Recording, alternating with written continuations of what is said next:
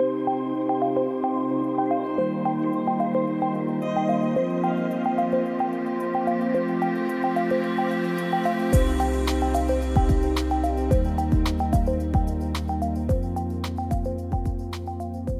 Üdvözlök mindenkit az AITK Podcast 13. adásán, az Antal József Tudásközpont külpolitika fókuszú online műsorán. Én Miklós Norbert vagyok a podcast műsorvezetője, a Globális Kapcsolatok Iroda nemzetközi referense. Mai adásunk során az izraeli választások eredményeiről és azok következményeiről fogunk beszélni. Vendégem Csepregi Zsolt, az AITK nemzetközi igazgató helyettese. Izrael polgárai két éven belül negyedszer járultak az urnákhoz 2021. március 23-án, hogy végre kiutat találhassanak az elhúzódó belpolitikai válságból egy új kormány megalakítása révén. Az előrehozott választások azonban ismételten padhelyzetet eredményeztek a politikai blokkok között, amely egyfelől jelenthet folytatódó politikai bénultságot, de akár az újszerű szövetségek létrejöttét és a közjogi reform végrehajtását is eredményezheti. Az izraeli politikában jelenleg számos probléma továbbra is megoldatlan, melyek közül a legfontosabbak talán Benjamin Netanyahu miniszterelnök személyével és további sorsával kapcsolatosak, a koronavírus járvány legyőzésével és az ország jövőbeli stratégiai irányultságával kapcsolatos kérdések lehetnek. Mivel a problémarendszerek egytől egyig megosztják a társadalmat, ez egy igen fragmentált politikai palettát eredményez Izraelben. Az országban történő kormányalakítás kimenetele azonban nem csupán a zsidó állampolgárai számára jelentős, mivel Európa délkeleti szomszédságának egyik katonai nagyhatalma jelentős gazdasági és technológiai központ, valamint világpolitikai szereplő is. Elsőre úgy tűnhet, hogy a választás ismételten padhelyzetet eredményezett, azonban a belpolitikában két szemben álló oldal valódi célja ugyanaz. Az izraeli politikai és közjogi rendszer saját elképzeléseik szerinti újra szabályozása. Ehhez jelenleg számos parlamenti és kormánykoalíciós lehetőség nyitva áll, azonban ez korán sem jelenti azt, hogy az új kormánynak könnyű dolga lesz. Zsolt, köszönöm, hogy elfogadtad a meghívást. Köszönöm, hogy itt lehetek. Vágjunk is bele. A választási eredményként Royven Rivlin államelnök ismét Benjamin Netanyahu-t bízta meg a kormány alakítással. A kérdésem ebben az esetben az, hogy hogyan sikerült ismét a Likud pártnak győzni a választásokon.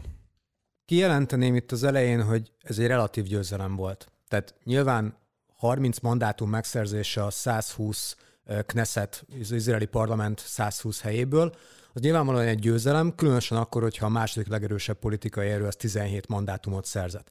Viszont másik oldalról meg kell említeni, hogy 36-ról 30-ra csökkent netanyahu a támogatottsága, és mindezt úgy, hogy egy sikeres koronavírus járvány kezelést vezényelt le a miniszterelnöksége alatt.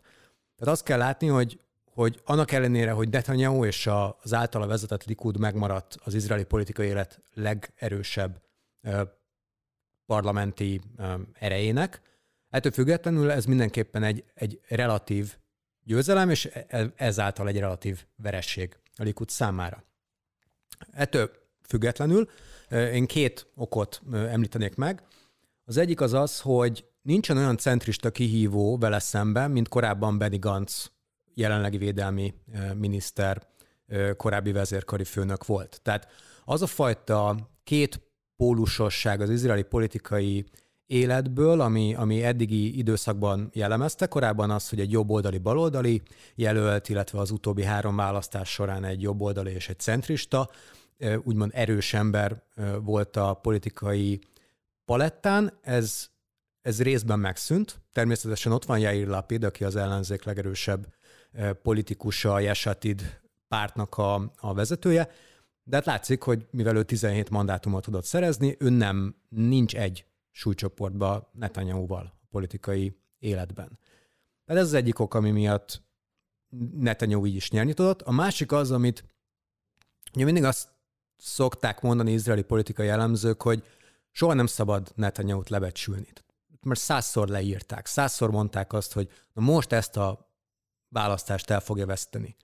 Amit a, a politikai elemzők alul szoktak becsülni, az az, az az a logika, ami az izraeli választók egy jelentős részébe, jelen esetben egy negyedébe megvolt, hogy elhatározzák a választások előtt, hogy ők most nem Netanyahu-ra fognak szavazni, mert ők most meg fogják büntetni Netanyahu-t és a, az előző kormányt ezért vagy azért a politikai ügyért, majd bemennek a szavazófülkébe, és mégiscsak Netanyahu-ra szavaznak le. Miért? Azért, mert Netanyahu minden belpolitikai egyéb megfontolás ellenére ő a biztos jelölt. Ő az, aki bármit gondolhatunk róla, 12 éven keresztül elvezette ezt az országot. Tehát azt látni kell, hogy Netanyahu egy olyan politikai karakter, és itt fontos megkülönböztetni a Likudot és, a, és Netanyahu-t. Tehát egy Likud Netanyahu nélkül nem 30 mandátumot szerzett volna. Tehát amikor arról beszélünk, hogy hogyan sikerült a Likudnak győznie, akkor én inkább azt mondanám, hogy Netanyahu győzött a Likud vezetésével. Hát akkor ez alapján nem túl nagy csoda az, hogy még mindig fennmarad ez a padhelyzet, hiszen bár Netanyahu alakított kormányt, továbbra sem oldódott meg az a probléma, ami eddig fennállt. Miben különbözik az újonnan alakuló lehetséges koalíció Netanyahu előző kormányától, és vajon mennyire lesz stabil? Ugye az eredmények tükrében az államelnök Netanyahu-t bízta meg a kormányalakítással, és Netanyahu-nak van egy hónapja, hogy ezt a kormányt megalakítsa, Ugye ma április 21-e van, még két hete van arra, hogy ezt a kormányt megalapítsa, illetve hosszabbítást is kérhet adott, adott esetben, plusz két hetet. Jelenleg úgy tűnik, hogy az ő igyekezete arra vonatkozólag, hogy ő kormányt tudjon alakítani ezzel a felhatalmazással, erről letett. Erről pont tegnapi napon jöttek ki a hírek, hogy, hogy, hogy letett erről, mert hogy amilyen kormányt alakítani tudott volna, az egy, az egy erősen jobboldali kormány lett volna, ami azt jelentette, hogy a Netanyahu a választások előtt, ezt korábban is megtette, ugye úgymond um, feleskedte a ő szövetséges pártjait, hogy őt fogják támogatni miniszterelnökként. Tehát az azt jelentette, hogy tárgyalt a vallásos pártok vezetőivel, illetve az éppen aktuális vele szövetséges jobboldali erőkkel. Zárójában megjegyezném, hogy tehát annak amellett, hogy Netanyahu 30 mandátumot szerzett, az, és ugye ez az izraeli választóknak az egynegyedét jelenti, ezzel együtt nagyon sokan vannak olyan szavazók, akik Netanyahu-t akarják miniszterelnöknek, de úgy vannak vele, hogy ők egy valamivel vallásosabb, vagy valamivel jobboldalibb, vagy kevésbé jobboldalibb koalíciót szeretnének, tehát egy másik pártra szavaznak, de Netanyahu-t akarják miniszterelnöknek. Zárójel bezárva.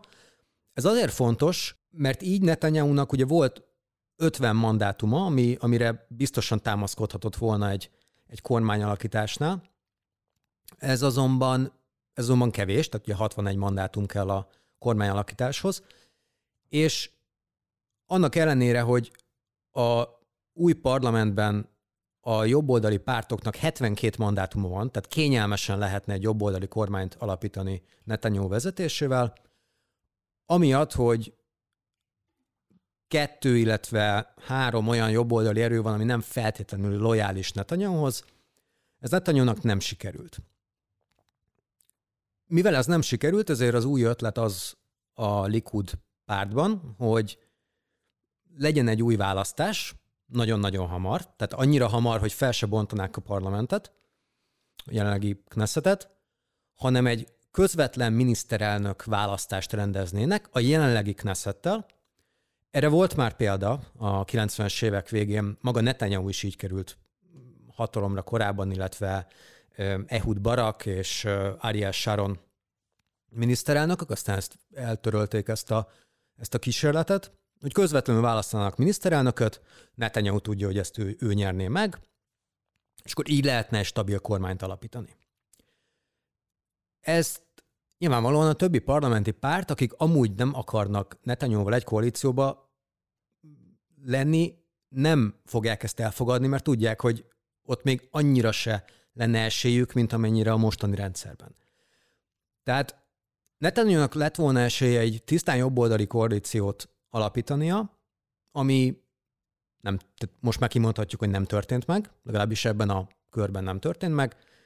Ehhez a tisztán jobboldali koalícióhoz is a legtöbb forgatókönyv szerint kellett volna a rám konzervatív, iszlamista politikai formációnak a támogatása, legtöbb számítás szerint.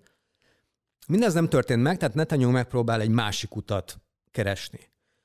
Ez azonban nagyon-nagyon-nagyon nehéz lesz. Tehát a, még, a, még a Nyilván a legfontosabb szövetségesei, tehát a két ultraortodox párt, illetve a vallásos cionista párt, ami a Likudtól jobbra álló parlamenti formáció, ők támogatnák ezt a konstrukciót is. De ugye nem ők a kérdés, tehát ők amúgy is támogatták volna a Netanyahu kormányt.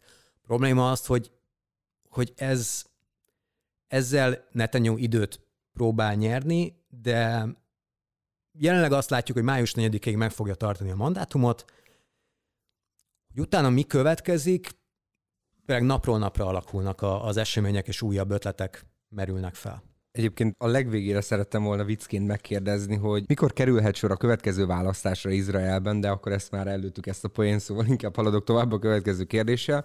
A, amiben azt szeretném tőled megtudni, hogy milyen pártokból és résztvevőkből áll jelenleg az izraeli ellenzék, és hogy kik erősödtek meg, és hogy kik gyengültek el a választások eredményeképpen. Ugye az izraeli ellenzékben pontosan az, a, az az érdekes, vagy azért kulcsmomentum ez az izraeli politikai fejlődés történetében, mert az ellenzékre mondhatjuk azt, hogy egy nemzeti egységet képvisel, egy kivétellel, az ultraortodox pártok. Ők nincsenek benne, és azért ez, ez egy fontos szempont.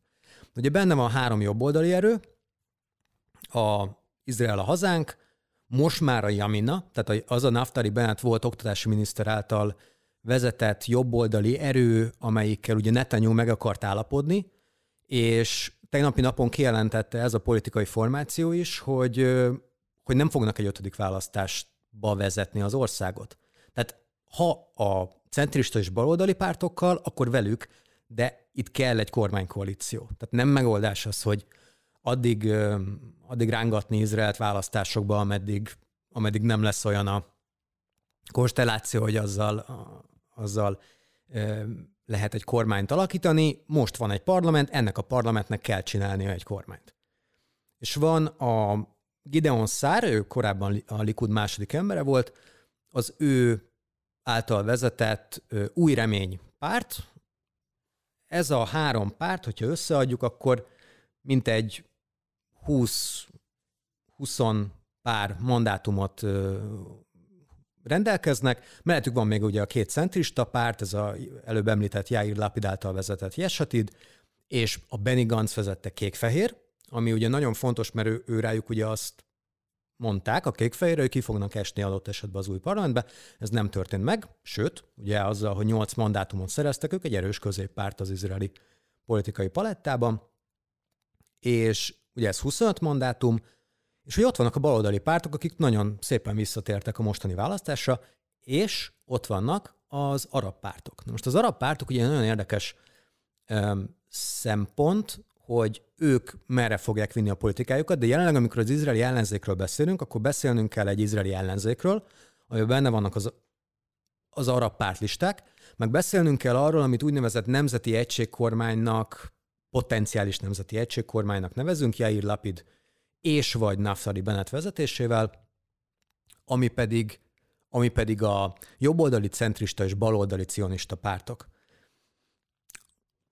Így néz ki most az ellenzék. Ez egy nagyon-nagyon színes ö, párt csoport, ami, ami, ami ugye Netanyahu-t le akarja váltani, ami azért felveti azokat a kérdéseket, hogy, hogy mennyire kormányzóképes egy ilyen, egy ilyen potenciális koalíció. Menjünk is bele egy kicsit mélyebben az arab pártok szerepébe. Mire számíthatunk a jelenlegi arab képviselettől, akik most ennyire erősen ellenzékbe kerültek, és mire számíthatunk Ayman Odehtől a jelenlegi politikai atmoszférában? Ugye, ami egy nagy változás volt az arab pártok politikájában, az az, hogy szétváltak. Tehát korábban a közös listának, ami egy olyan politikai formáció volt, ahol a kommunista, arab nacionalista, iszlamista pártok mind közösen szerepeltek, 15 mandátuma volt az előző Knessetben.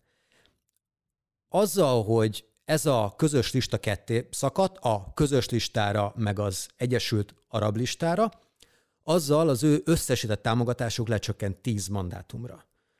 Tehát alapból ugye szavazatoknak a kétharmadát szerezték meg, mint korábban. Szóval ezen belül is ugye hat mandátumot szerzett a korábbi közös lista, ebből ugye kiváltottak az iszlamista erők, ebből is az Izrael déli részén lévő iszlamista erő. Ez azért fontos, mert ugye ez a, alapvetően az izraeli beduin arabság érdekeit képviseli. Tehát ezek, ezek viszonylag jól integrálódott arab polgárok, akiknek tényleg az a legnagyobb problémájuk, hogy akkor milyen munkalehetőségek vannak, milyen építkezési lehetőségek vannak, hogy van az egészségügy a Negev sivatag különböző településén. Tehát nagyon gyakorlati problémáik vannak az életben, amiket elvárják Jeruzsálemi kormánytól, hogy oldják meg.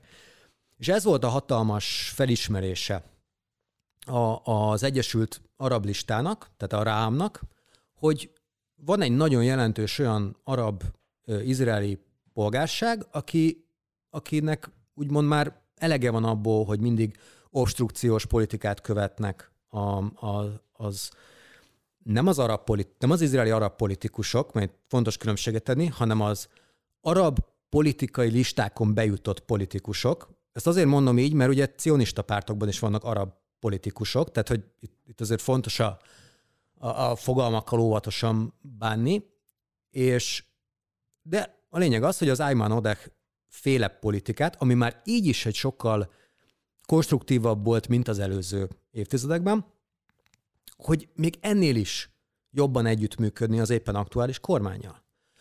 Úgyhogy tehát az érdekes az, hogy valami lesz majd az Egyesült Arab listával, ami ugye az iszlamista erő, ami majd, ami, ami ugye potenciálisan Netanyahu-val, illetve Jair Lapidékkal is koalíció képes lenne, de legalábbis kívülről támogathatna egy kormányt. Ugye Netanyahu szerette is volna, hogy az a rám támogassa az ő jobboldali kormányát. Ugye gondoljunk bele, félretéve a, a, a vallási kérdéseket alapvetően, akkor tényleg egy konzervatív kormány jöhetett volna létre. Az más kérdés, hogy többsége ö, cionista zsidó pártok, meg egy ö, konzervatív iszlamista ö, párt. Hát vagy részvételével, vagy ugye külső támogatásával, rám külső támogatásával. Ez ugye azért bukott meg, mert a vallásos cionista párt nem ment bele abba, hogy, hogy egy iszlamista párt támogatására hagyatkozzon egy Netanyahu, vagy hát bármilyen kormány. Tehát az érdekes kérdés, az egyik érdekes kérdés az az, hogy azzal, hogy az arab politikai diskurzusban megjelent a rámféle nagyon-nagyon konstruktív, nagyon-nagyon együttműködésre kész politikai csoport, az mennyiben helyez nyomást a közös listára, tehát az Ayman Odeh féle politikai csoportra, hogy akkor viszont ők is konstruktívak legyenek? Még konstruktívabbak legyenek. Mert az itt fel kell, azért meg kell azt említeni, hogy beszélünk arról, hogy mennyire, mennyire obstrukciós mondjuk egy Knessetben a, a, az arab pártlistákban politizáló emberek, politikusok, de azért azt látni kell, hogy a parlamenti bizottságokban nagyon komoly együttműködés van. A helyhatósági szinten nagyon komoly együttműködés van. Tehát, hogy az, amit a, hogyha mondjuk nézzük a Knesset tévét, amikor néha láthatjuk, hogy mondjuk kiabálnak egymással a képviselők, akkor, akkor az elfed egy olyan rögvalóságot, hogy a háttérbe viszont meg leülnek és megbeszélik, hogy akkor a jövő évi büdzsé az hogy nézen ki. Ami szerintem tényleg érdekes, meg figyelni kell, hogy pontosan ezek a mélyebb folyamatok, amik, amik a, a politikai háttérmunka volt, hogy beléphetnek-e a, a, az elő terébe, úgymond a politikai diskurzusnak. Mert hogy ennek van egy nagyon fontos regionális politikai szintje, vagy következménye, és van egy nagyon fontos világpolitikai következménye. Izraelre úgy tekintünk, mint egy regionális katonai nagyhatalomra, technológiai nagyhatalomra, gazdasági központra. De ez az ország számos ponton elérte a teljesítőképességének határát. Mondok egy gyakorlati példát, technológiai cégek, azok egymás elől szipkázzák el a munkaerőt. Tehát az izraeliek vagy kihelyezik a tőkét, vagy pedig, vagy pedig felstrófolják egymás között a, a bérszínvonalat, mert, mert be kell vonni új társadalmi csoportokat ebbe a gazdasági növekedésbe. Kik ezek az új társadalmi csoportok? Az ultraortodox zsidók és az arab-izraeli polgárok. Tehát, és, és hogyha ezeket a több százezer fős csoportokat jobban be tudják vonni, akkor Izrael, mint regionális hatalmi szereplő, erősebb lesz, nagyobb lesz a befolyása. Zárójelbe jegyzem meg, hogyha egy arab politikai erő mondjuk kormányban van, akkor teljesen más lesz a, a viszony meg a reláció az környező arab országokkal.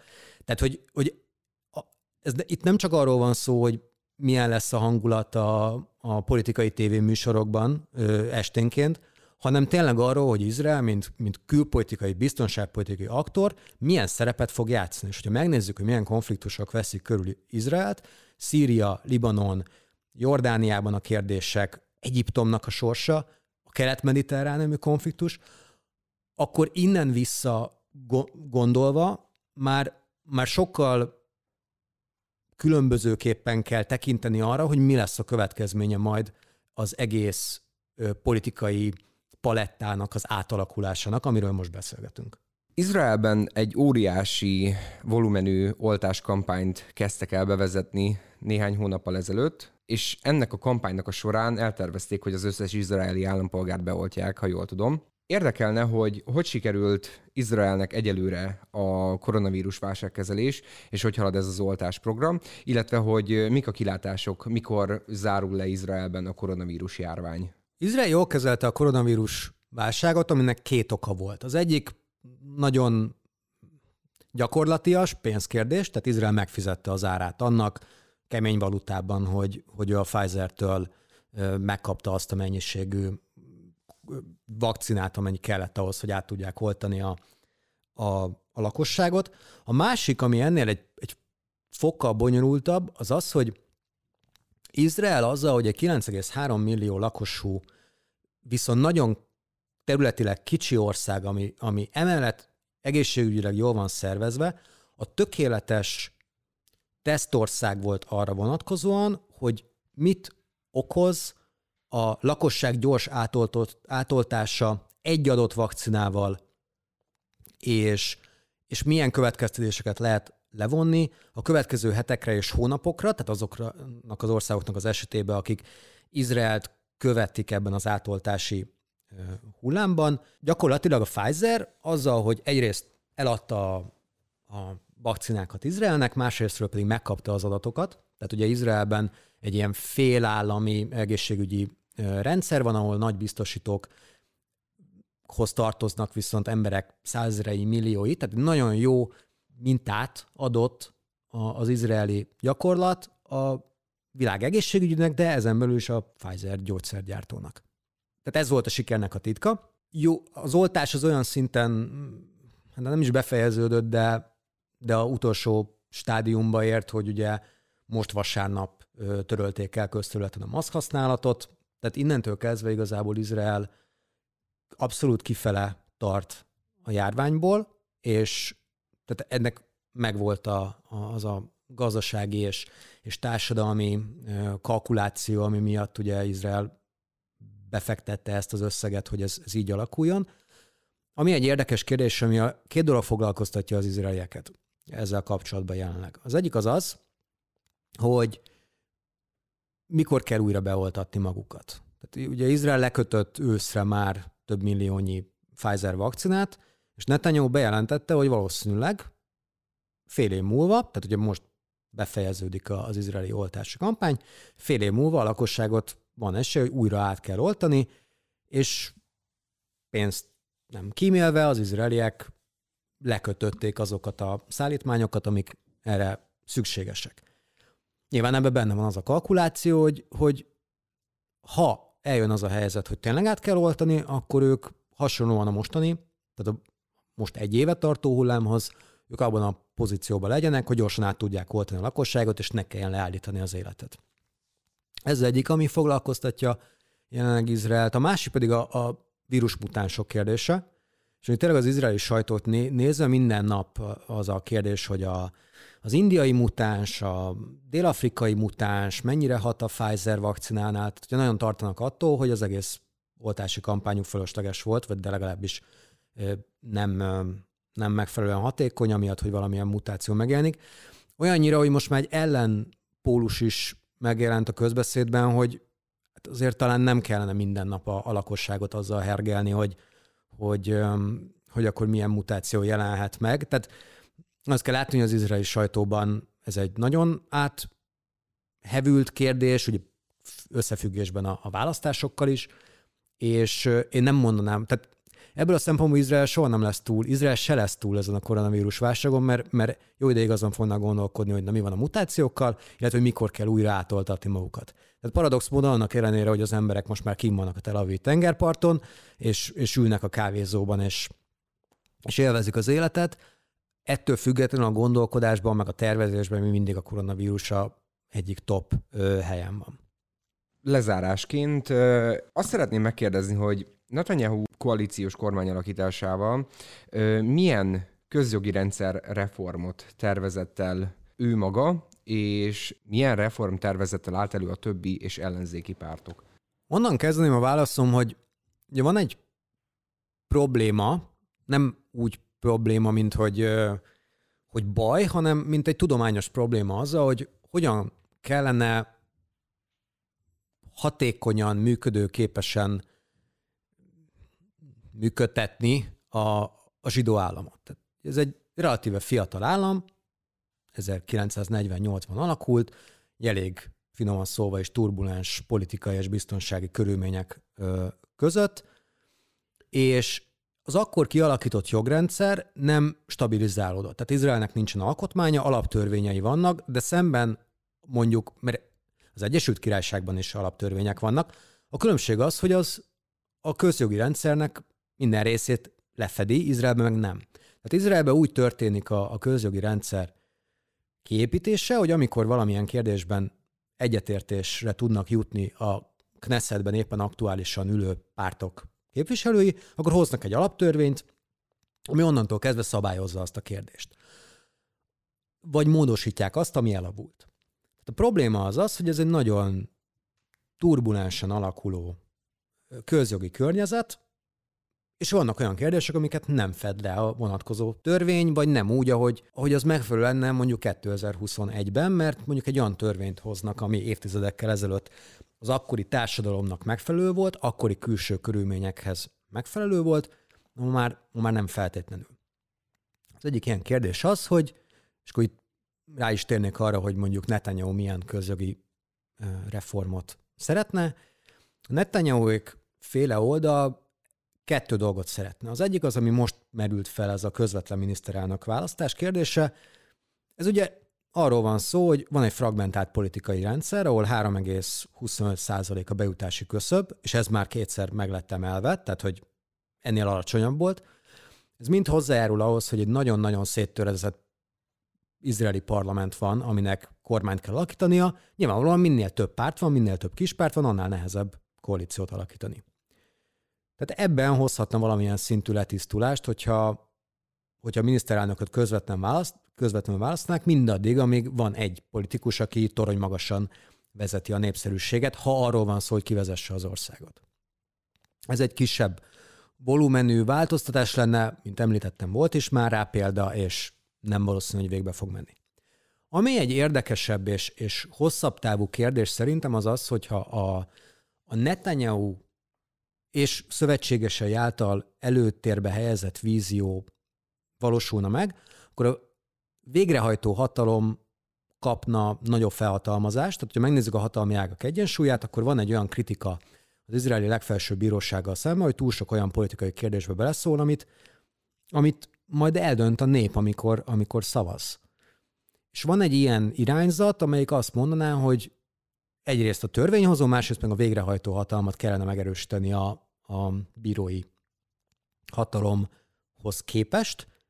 Van erről nagyon komoly viták folynak, évtizedes viták, tehát ez nem, még csak nem is Netanyahuhoz kötődik feltétlenül ezek a, ezek a viták, hogy hogyan lehetne stabilan az államot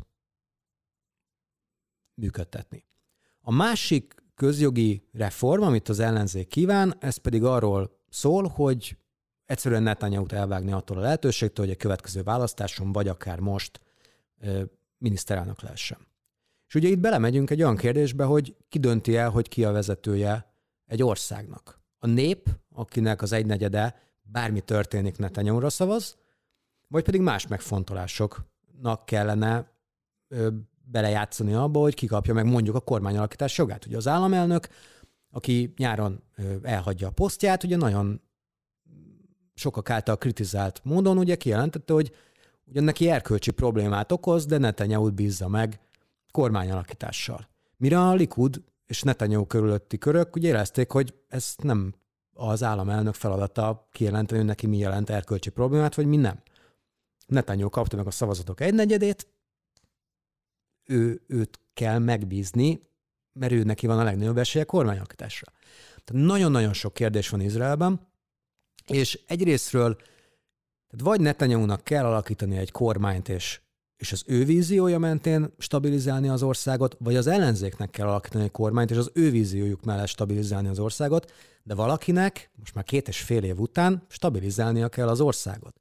És ez, a, ez az érdekes, tehát számomra a legérdekesebb kérdés ez, és ugye felhívnám a figyelmet, hogy a, vagy ajánlanám kedves hallgatóknak, hogy nemrég megjelent a egy elemzésem a választásokról a, a, a digitális tudástár oldalán, amiben ezt a kérdést boncolgatom, hogy, hogy én úgy látom, hogy jelenleg nincs esély arra, hogy egy hosszú távon stabil kormány létrejöjjön, arra van esély, hogy valamelyik oldal megszerezze átmenetileg a döntéshozó képességet a Knessetben. Szándékosan nem azt mondom, hogy a kormányzó képességet, hanem döntéshozó képességet, tehát lehet, hogy csak bizonyos bizottságokat nak az irányítását megszerezve, átalakítani a közjogi rendszert, vagy úgy, hogy Netanyahu-t be stabilan a hatalomban tartani, vagy úgy, hogy Netanyahu-t kizárni a hatalomból, de megteremteni olyan közjogi viszonyokat, amivel majd egy következő ötödik választáson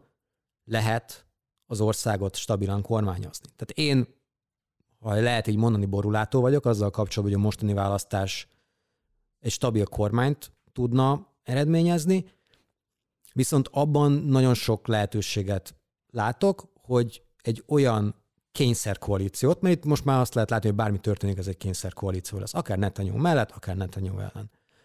Hogy újra alkotni azokat a közjogi formulákat, amelyek mentén Izrael működik, és zárójelben jegyezném meg, hogy egy, egy szűk 70 éves állam tekintetében, egy, egy valamivel több mint 70 éves állam tekintetében teljesen normális az, hogy még a közjogi formák alakulnak. Tehát a folyamat az természetes, de nyilvánvalóan egy parlamentáris demokrácia keretében azokkal a fenyegetettségekkel körbevéve, amik, amik ugye Izrael körül vannak, azzal, azzal természetes, hogy ez, ez egy elég komoly napi szintű politikai drámával párosul, de, de maga a folyamat az, az azt gondolom, hogy alapvetően egy, egy teljesen természetes dolog. És akkor plusz egy kérdésként még egy kicsit a külpolitikáról szeretnélek kérdezni. Milyen irányultságot mutathat a lehetséges következő koalíció? Változik, vagy ö, halad tovább? Illetve Trump lelépésével és Biden érkezésével mire számíthatunk az izraeli-amerikai kapcsolatoktól?